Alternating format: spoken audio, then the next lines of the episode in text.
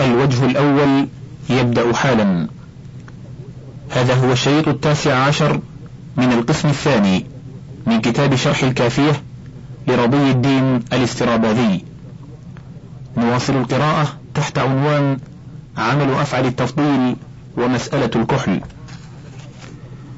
وعند الكسائي والفراء ليس الفصل بأجنبي لأن المبتدأ معمول عندهما للخبر كما ذكرنا في أول الكتاب. فإن قلت قدم منه على الكحل حتى لا يلزم الفصل بين العامل والمعمول عند سيبويه بأجنبي. قلت يبقى الضمير في منه راجعا إلى غير مذكور. وتعليل سيبويه يضطرد مع كون الكلام مثبتا أيضا. نحو مررت برجل أحسن في عينه الكحل منه في عين زيد. ونقل الرماني جواز ذلك في المثبت والسماع لم يثبت إلا في النفي ولا منع أن يستعمل ذلك فيما يفيد النفي وإن لم يكن صريحا فيه نحو قلما رأيت رجلا أحسن في عينه الكحل قوله ولك أن تقول إلى آخره يعني أن لك في مثل هذا المثال المضبوط بالضوابط المذكورة وجها أخصر من الأول وهو أن تحذف المفضول المجرور بمن وحرف الجر الداخل على الاسم الذي ذكرنا أنه غير الأول فتقول بدل قولك منه في عين زيد من عين زيد وهو على حذف المضاف أي من كحل عين زيد لأنه يفضل الكحل على الكحل لا الكحل على العين ومن التفضيلية تدخل على المفضول. قوله وإن قدمت ذكر العين إلى آخره أي لك عبارة ثالثة أخصر من الثانية وهي أن تقدم الاسم الذي قلنا إنه غير الأول على أفعل التفضيل داخلا عليه آلة التشبيه وتحذف ما بعد السبب المرفوع من المفضول وغيره فتقول ما رأيتك عين زيد أحسن فيها الكحل. وجازت هذه المسألة وإن لم يكن فيها فصل ظاهر لو رفعت أفعل بالابتداء. لأنها فرع الأولى ولأن من التفضيلية مع مجرورها مقدرة ها هنا أيضا بعد السبب المرفوع. وقولك أحسن في هذه العبارة بدل من قولك كعين زيد أي عينا أحسن فيها الكحل. وذلك أن معنى ما رأيت كعين زيد أي عين كعين زيد ولا زائدة عليها.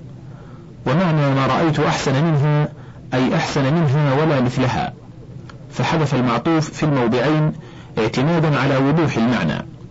فقولك ما رأيت كعين زيد أي رأيت كل عين أنقص من عين زيد. وقولك ما رأيت أحسن من عين زيد أي رأيت كل عين أنقص من عين زيد في الحسن. فهذا بدل الكل من الكل أتي به للبيان لأن الأول مبهم لأنك ذكرت أن العيون أنقص من عين زيد. ولم تذكر أن النقصان في أي شيء ولا يجوز أن يكون أحسن فيها الكحل صفة لقولك كعين زيد لأنه يكون في المعنى ما رأيت مثل عين زيد في حسن الكحل فيها زائدة عليها في حسن الكحل فيها وكيف يكون مثل الشيء في الوصف زائدا عليه في ذلك الوصف في حالة واحدة. وإنما استغنيت في هذه العبارة عما بعد المرفوع لدلالة قولك كعين زيد عليه لأن معناه كما قلنا إن كل عين دونها في حسن الكحل فيها وهذا هو المستفاد بعينه من قولك أحسن في عينها الكحل منه في عين زيد وقوله كوادي السباع حين يظلم واديا انتسب واديا على أنه مفعول لأرى وقوله كوادي السباع حال منه لأن صفة النكرة إذا تقدمت عليها انتصبت على الحالية. ويجوز أن يكون عطف بيان لقوله كوادي السباع والكاف اسمية.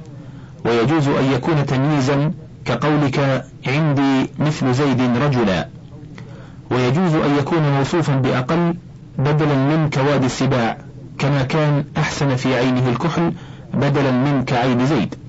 والتقدير أقل به ركب منهم بوادي السباع وأخوف به ركب منهم بوادي السباع.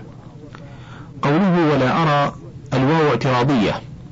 قوله حين يظلم ظرف لمعنى الكاف أي واديا يشبه وادي السباع وقت إظلامه. وما في قوله ما وقى الله مصدرية على حذف مضاف أي وقت وقاية الله للسارين. وهو ظرف لأخوف. وهو بمعنى المفعول مثل أشهر وأحمد. وقوله تأية أي تثبتا وتوقفا وهو تفعله من تركيب أي كحيا يقال تأيى أي تثبت وهو منصوب على التمييز من أقل كما في قولك زيد أحسن منك ثوبا. فيكون في المعنى فاعلا مضافا إلى المرفوع بأفعل أي أحسن ثوبه وأقل تأية ولو عبرت بالعبارة الأولى قلت ولا أرى واديا أقل به ركب منهم بوادي السباع. كقوله عليه الصلاة والسلام ما من أيام أحب إلى الله فيها الصوم منه في عشر ذي الحجة. ولو عبرت بالعبارة الثانية قلت ولا أرى واديا أقل به ركب تأية من وادي السباع. تم قسم الأسماء والحمد لله رب العالمين. عنوان قسم الأفعال. الفعل معناه خواصه. قوله الفعل ما دل على معنى في نفسه مقترن بأحد الأزمنة الثلاثة ومن خواصه دخول قد والسين وسوف والجوازم ولحوق تاء فعلت وتاء التأنيث الساكنة. قوله في نفسه يخرج الحرف وقوله مقترن بأحد الأزمنة الثلاثة أي الماضي والحال والاستقبال. يخرج الاسم وكل اعتراض ورد على طرد حد الاسم أي على قولنا كل اسم فهو مقترن أعني الاعتراض بباب الغبوق واسم الفاعل العامل فهو وارد على عكس حد الفعل أعني على قولنا كل فعل فهو مقترن وما ورد على عكس حد الاسم أعني على قولنا كل غير مقترن فهو اسم من الاعتراض بالمضارع والأفعال غير المتصرفة كعسى وشبهه فهو وارد على طرد حد الفعل أعني على قولنا كل فعل فهو مقترن والجواب عن الاعتراضات كما تقدم في حد الاسم.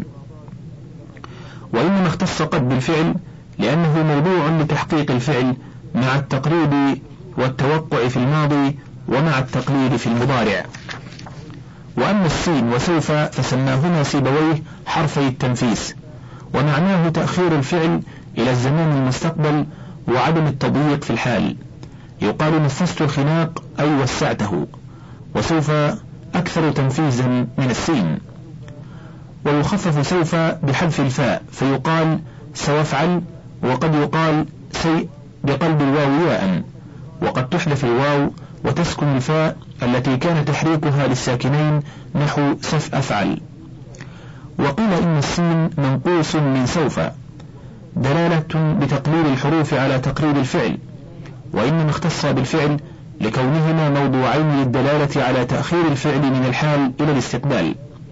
واختص الجوازم بالأفعال لأنه لا جزم في الأسماء كما ذكرنا أنهم وفوا الأسماء لأصالتها في الإعراب الحركات الثلاث ونقصوا الفعل لفرعيته على الأسماء في الإعراب ما لا يكون من عمله وهو الجر. فلما نقص الجر لم يحرك بشيء بدل الجر فبقي مجزوما أي ساكنا. ولولا كراهة الخروج من إجماع النحاة لحسن ادعاء كون المضارع المسمى مجزوما مبنيا على السكون لأن عمل ما سمي جازما لم يظهر فيه لا لفظا ولا تقديرا. وذلك لأن أصل كل كلمة اسما كانت أو فعلا أو حرفا أن تكون ساكنة الآخر. ومن ثم لا تطلب العلة للبناء على السكون. وإنما سمي العامل عاملا لكونه غير آخر الكلمة عما هو أصله إلى حالة أخرى لفظا أو تقديرا. ثم نقول إن نحو لم يغزو ولم يخشى ولم يرمي مبني كغزو واخشى وارمي. وإنما حذف الآخر ليكون فرقا بين المعرب المقدر إعرابه وبين المبني. وذلك لأنك تحذف في الفعل محل الإعراب.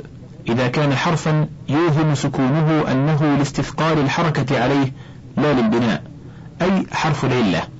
ليكون تنبيها على أنه كما ليس فيه بظاهر ليس بمقدر أيضا. لزوال محل الإعراب أي الحرف الأخير بلا علة بخلاف يا شجي ولا فتى فإنك أبقيت حرف الإعراب ليكون مقدرا فيه. فإن قيل لا نسلم أن العامل إنما يكون عاملا لتغيير آخر الكلمة عما هو أصله بل إنما يكون عاملا لتغييره عن حالة إلى أخرى سواء كانت الحالة الأولى أصلا لآخر الكلمة أي السكون أو حالة إعرابية حاصلة لها قبل دخول العامل. فنحن إنما سمينا الجازم عاملا لنقله آخر المضارع من الرفع الذي هو معمول وقوعه موقع الاسم أو تجرده من العوامل إلى السكون. وذلك لأن عامل الرفع في المضارع مقدم على عاملي النصب والجزم إذ عامل الرفع هو التجرد عنهما أو الحاصل عند التجرد عنهما وهو وقوعه موقع الاسم فيكون الجازم طارئا على الرافع. قلنا ليس زوال الرفع أثرا للجازم ومنسوبا إليه بل هو منسوب إلى زوال عامل الرفع أي الوقوع أو التجرد على ما قيل إن علة العدم عدم العلة. فإن قيل فيكون زوال الرفع أثرا لزوال عامل الرفع وزوال, وزوال عامل الرفع أثر للجازم وأثر الأثر أثر فزوال الرفع أي الانجزام أثر للجازم قلنا زوال عامل الرفع قد يكون أثرا للناصب أيضا فيلزم أن يكون الناصب جازما. وأقصى ما يمكن في تمشية كلام النحاة أن يقال إن الناصب يزيل الرفع إلى بدل وهو النصب والجازم يزيله لا إلى بدل. فلم يسم الناصب جازما لأن تعريفه بأثره الوجودي أولى من تعريفه بأثره العدمي. ولما لم يكن للجازم أثر وجودي عرفوه بالعدمي فسمي جازما إلا أنه لا يلزم. على هذا أن يكون الناصب في نحو لن يضرب ولن يضربوا ولن تضربي جازما لإزالة أثر الرفع لا إلى بدل. ولو اخترنا مذهب الكسائي وهو أن ارتفاع المضارع بحروف المضارعة فيكون الجازم الطارئ مسقطا للرفع الثابت لا إلى زوال الرافع لأن عامل الرفع ثابت مع الجازم. فكيف ينسب زوال الرفع إلى زوال عامله؟ لم يرد الاعتراض المذكور. قوله ولحوق تاء فعلت يعني به اتصاله بضمير الرفع البارز وإنما اختص بالفعل لأن الاسم يستحق مثناه ومجموعه جمع السلامة الألف والواو. فلو لحقه ضمير الرفع البارز لاجتمع في المثنى ألفان وفي الجمع واوان. فإن لم يحذف أحدهما استثقل وإن حذف التبس. قوله وتاء التأنيث الساكنة لأنها سكنت للفرق بينها وبين التاء اللاحقة للاسم وكانت أولى بالسكون من التاء الاسمية لخفة الاسم وثقل الفعل. عنوان الفعل الماضي تعريفه وبناؤه. قوله الماضي ما دل على زمان قبل زمانك مبني على الفتح مع غير الضمير المرفوع المتحرك والواو. قوله ما دل أي فعل دل حتى لا ينتقض بأمس ونحوه. وإنما لم يحتج إلى التصريح بلفظ الفعل لأنه في قسم الأفعال. قوله قبل زمانك أي قبل زمان تلفظك به لا على وجه الحكاية. وقولنا لا على وجه الحكاية ليدخل فيه نحو خرجت في قولك اليوم يقول زيد بعد غد خرجت أمسي. فخرجت ماض وإن لم يدل هنا على زمان قبل زمان تلفظك به لأنك حاكم وزيد يتلفظ به لا على وجه الحكاية فيدل على زمان قبل زمان تلفظه به. ويخرج عنه أيضا نحو أخرج في قولك اليوم قال زيد أول من أمس أخرج غدا فإنه دال على زمان تلفظ الحاكي به. وأكثر ما يستعمل في الإنساء الإيقاعي من أمثلة الفعل هو الماضي نحو بعت واشتريت. والفرق بين بعت الإنشائي وأبيع المقصود به الحال أن قولك أبيع لا بد له من بيع خارج حاصل بغير هذا اللفظ تقصد بهذا اللفظ مطابقته لذلك الخارج. فإن حصلت المطابقة المقصودة فالكلام صدق وإلا فهو كذب. فلهذا قيل إن الخبر محتمل للصدق والكذب فالصدق محتمل اللفظ من حيث دلالته عليه والكذب محتمله ولا دلالة لللفظ عليه. وأما بعت الإنشائي فإنه لا خارج له تقصد مطابقته بل البيع يحصل في الحال بهذا اللفظ. وهذا اللفظ موجد له فلهذا قيل إن الكلام الإنشائي لا يحتمل الصدق والكذب. وذلك لأن معنى الصدق مطابقة الكلام للخارج. والكذب عدم مطابقته له. فإذا لم يكن هناك خارج فكيف تكون المطابقة وعدمها؟ واعلم أن الماضي ينصرف إلى الاستقبال بالإنشاء الطلبي. إما دعاء نحو رحمك الله وإما أمرا كقول علي رضي الله عنه في النهج أجزأ امرؤ قرنه وآسى أخاه بنفسه. وينصرف إليه أيضا بالإخبار عن الأمور المستقبلة مع قصد القطع بوقوعها كقوله تعالى ونادى أصحاب الجنة أصحاب النار وسيق الذين. والعلة في الموضعين أنه من حيث إرادة المتكلم لوقوع الفعل قطعا كأنه وقع ومضى ثم هو يخبر عنه وينصرف إليه أيضا إذا كان منفيا بلا أو إن في جواب القسم نحو والله لا فعلت أو إن فعلت فلا يلزم تكرير لا كما يلزم في الماضي الباقي على معناه. قال حسب المحبين في الدنيا عذابهم والله لا عذبتهم بعدها سقروا أي لا تعذبهم. وينقلب إليه أيضا بدخول إن الشرطية وما يتضمن معناها وبدخول ما النائبة عن الظرف المضاف نحو ما ذر شارق وما دامت السماوات. لتضمنها معنى إن أي إن دامت قليلا أو كثيرا. وقد يبقى معها على المضي كقوله تعالى وكنت عليهم شهيدا ما دمت فيهم ويحتمل المضي والاستقبال بعد همزة التسوية نحو سواء علي أقمت أم قعدت وبعد كلما وحيثما لأن في الثلاثة رائحة الشرط وكذا بعد حرف التحضيض إذا كان للطلب لا للتقريع كما يجيء في بابه. وكذا إذا كان صلة لموصول عام هو مبتدأ أو صفة لنكرة عامة كذلك.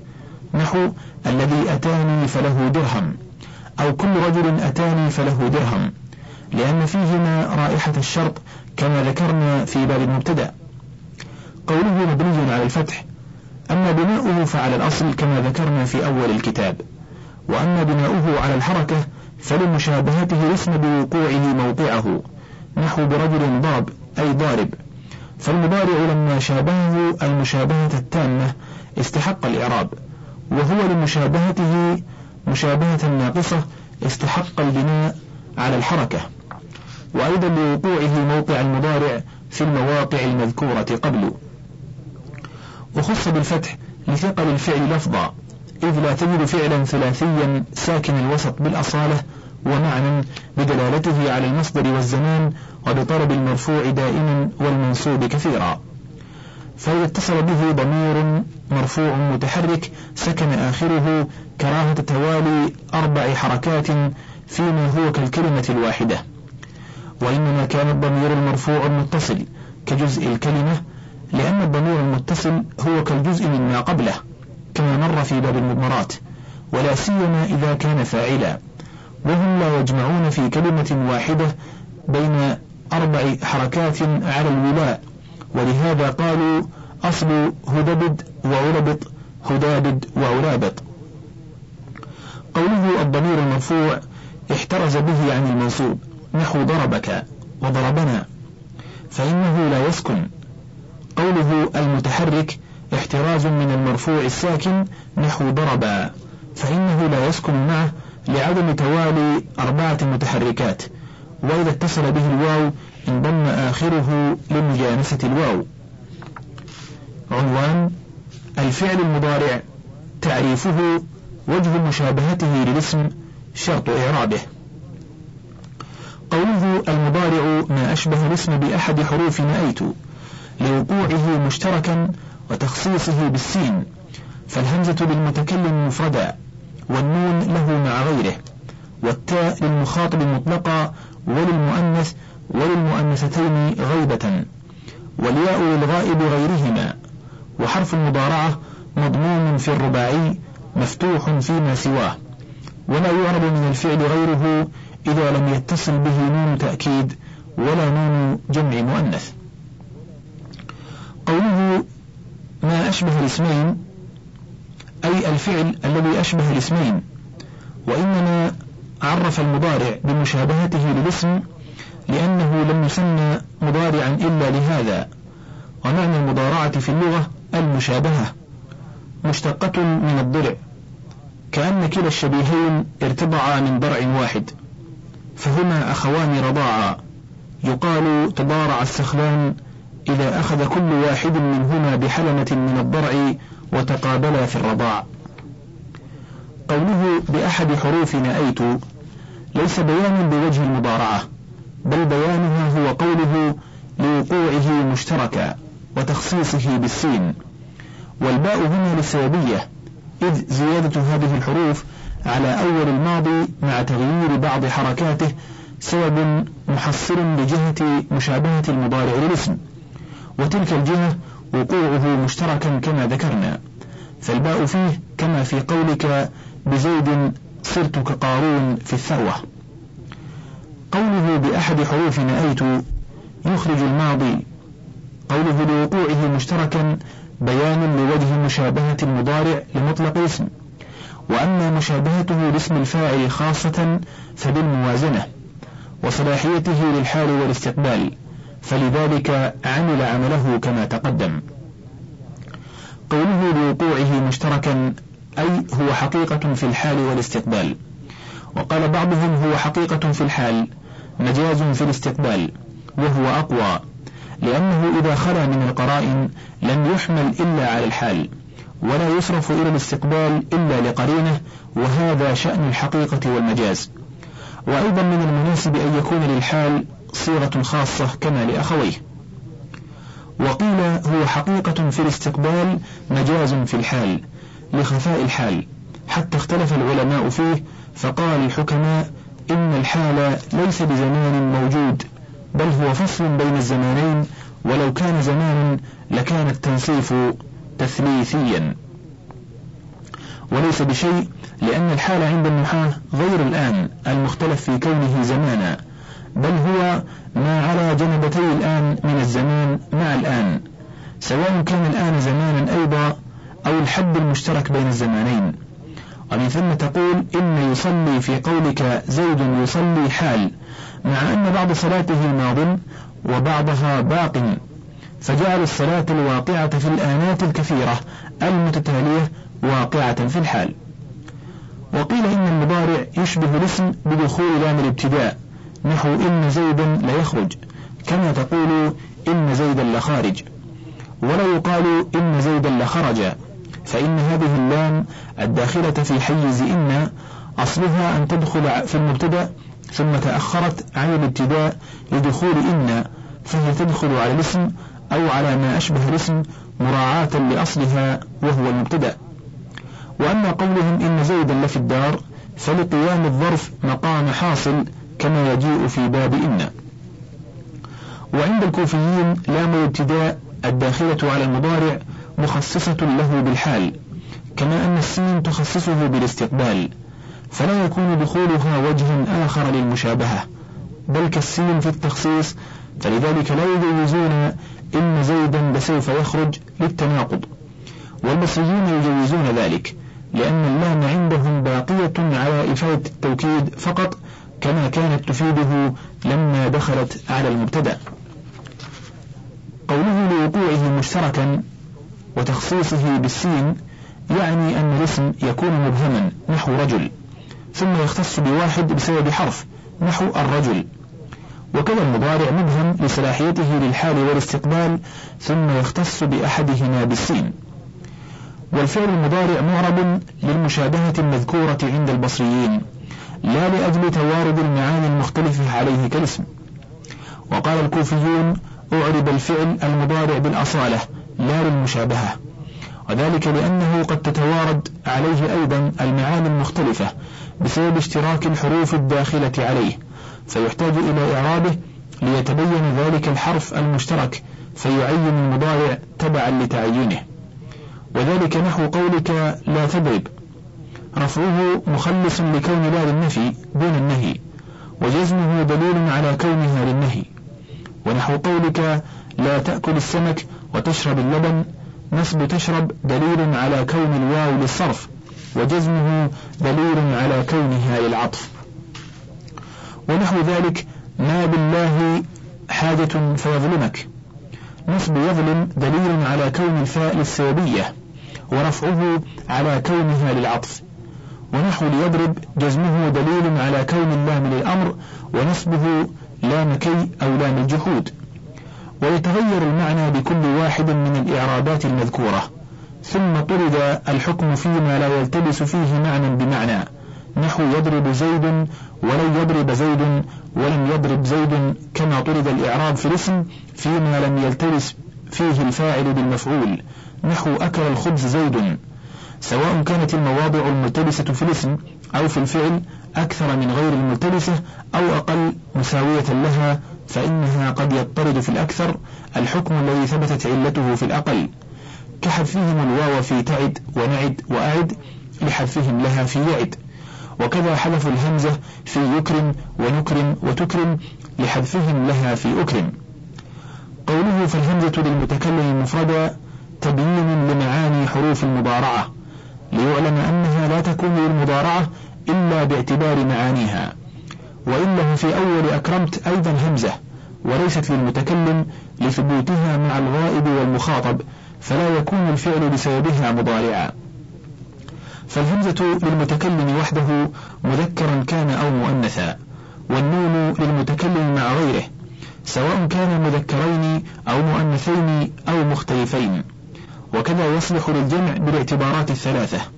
ويقول الواحد المعظم أيضا نفعل وفعلنا وهو مجاز عن الجمع لعدهم المعظم كالجماعة. ولم يجئ للواحد الغائب والمخاطب المعظمين فعلوا وفعلتم في الكلام القديم المعتد به وإنما هو استعمال المولدين. والتاء للمخاطب مذكرا كان أو مؤنثا. مفردا كان أو مثنى أو مجموعا وللمؤنث الغائب وللمؤنثتين أيضا والياء للغائب غيرهما أي غير المؤنث والمؤنثتين فيكون للأربعة أي لواحد مذكر ومثناه وجمعه ولجمع المؤنث. قوله حرف المضارعة مضمون في الرباعي سواء كانت حروفه أصلية كيدحرج أو فيه زائدة كيكرم وأصله يؤكرم ويقطع ويقاتل. وأصل الأفعال ثلاثي ورباعي. فتحت حروف المضارعة في الثلاثي لأن الفتح لخفته هو الأصل. فكان بالثلاثي الأصل أولى أو لأن الرباعي أقل فاحتمل الأثقل الذي هو الضم. وتركوا الكسر لأن الياء من حروف المضارعة يستثقل عليها. وكسر حروف المضارعة إلا الياء لغة غير الحجازيين إذا كان الماضي مكسور العين كما يجيء في التصريف. ويكسرون الياء أيضا إذا كانت بعدها ياء أخرى. فلما ضموا في الرباعي الأصلي حروفه حمل عليه الرباعي المزيد فيه كيفاعل ويفعل ويفعل. وبقي غير الرباعي على أصل الفتح لخفته. وأما أهراق يهريق وأسطاع يسطيع فرباعي زيد فيه الحرفان على غير القياس كما يجيء في التصريف إن شاء الله تعالى. قوله ولا يعرب من الفعل غيره قد تقدم علته. قوله إذا لم يتصل به نون التوكيد اعلم أنه اختلف في المضارع المتصل به نون التوكيد. فقال جمهورهم إنه مبني لتركبه مع النون وصيرورته معها كالكلمة الواحدة ولا إعراب في الوسط وأما النون فحرف. ولا حظ له في الإعراب فبقي الجزآن مبنيين. فإن قيل فلم يمتزجا فهلا أعربت الكلمة على النون؟ كما يعرب الاسم المؤنث على التاء لما ركبا. أو هلا أعرب مع هذا الامتزاج على ما قبل النون؟ كما أعرب الاسم مع امتزاجه بالتنوين على ما قبله. قلت إما لأن الاسم أصل في الإعراب والفعل فرع عليه فروعي إعراب الاسم بقدر ما أمكن دون الفعل ولا سيما والنون من خواص الأفعال فترجح جانب الفعلية وضعفت مشابهة الاسم. وهذا على مذهب البصريين. وإما لأن علة إعراب الفعل ليست ظاهرة ظهور علة إعراب الاسم وأكثر الأفعال مبنية فيرجع إلى البناء لأدنى سبب. وهذا على مذهب الكوفيين. انتهى الوجه الأول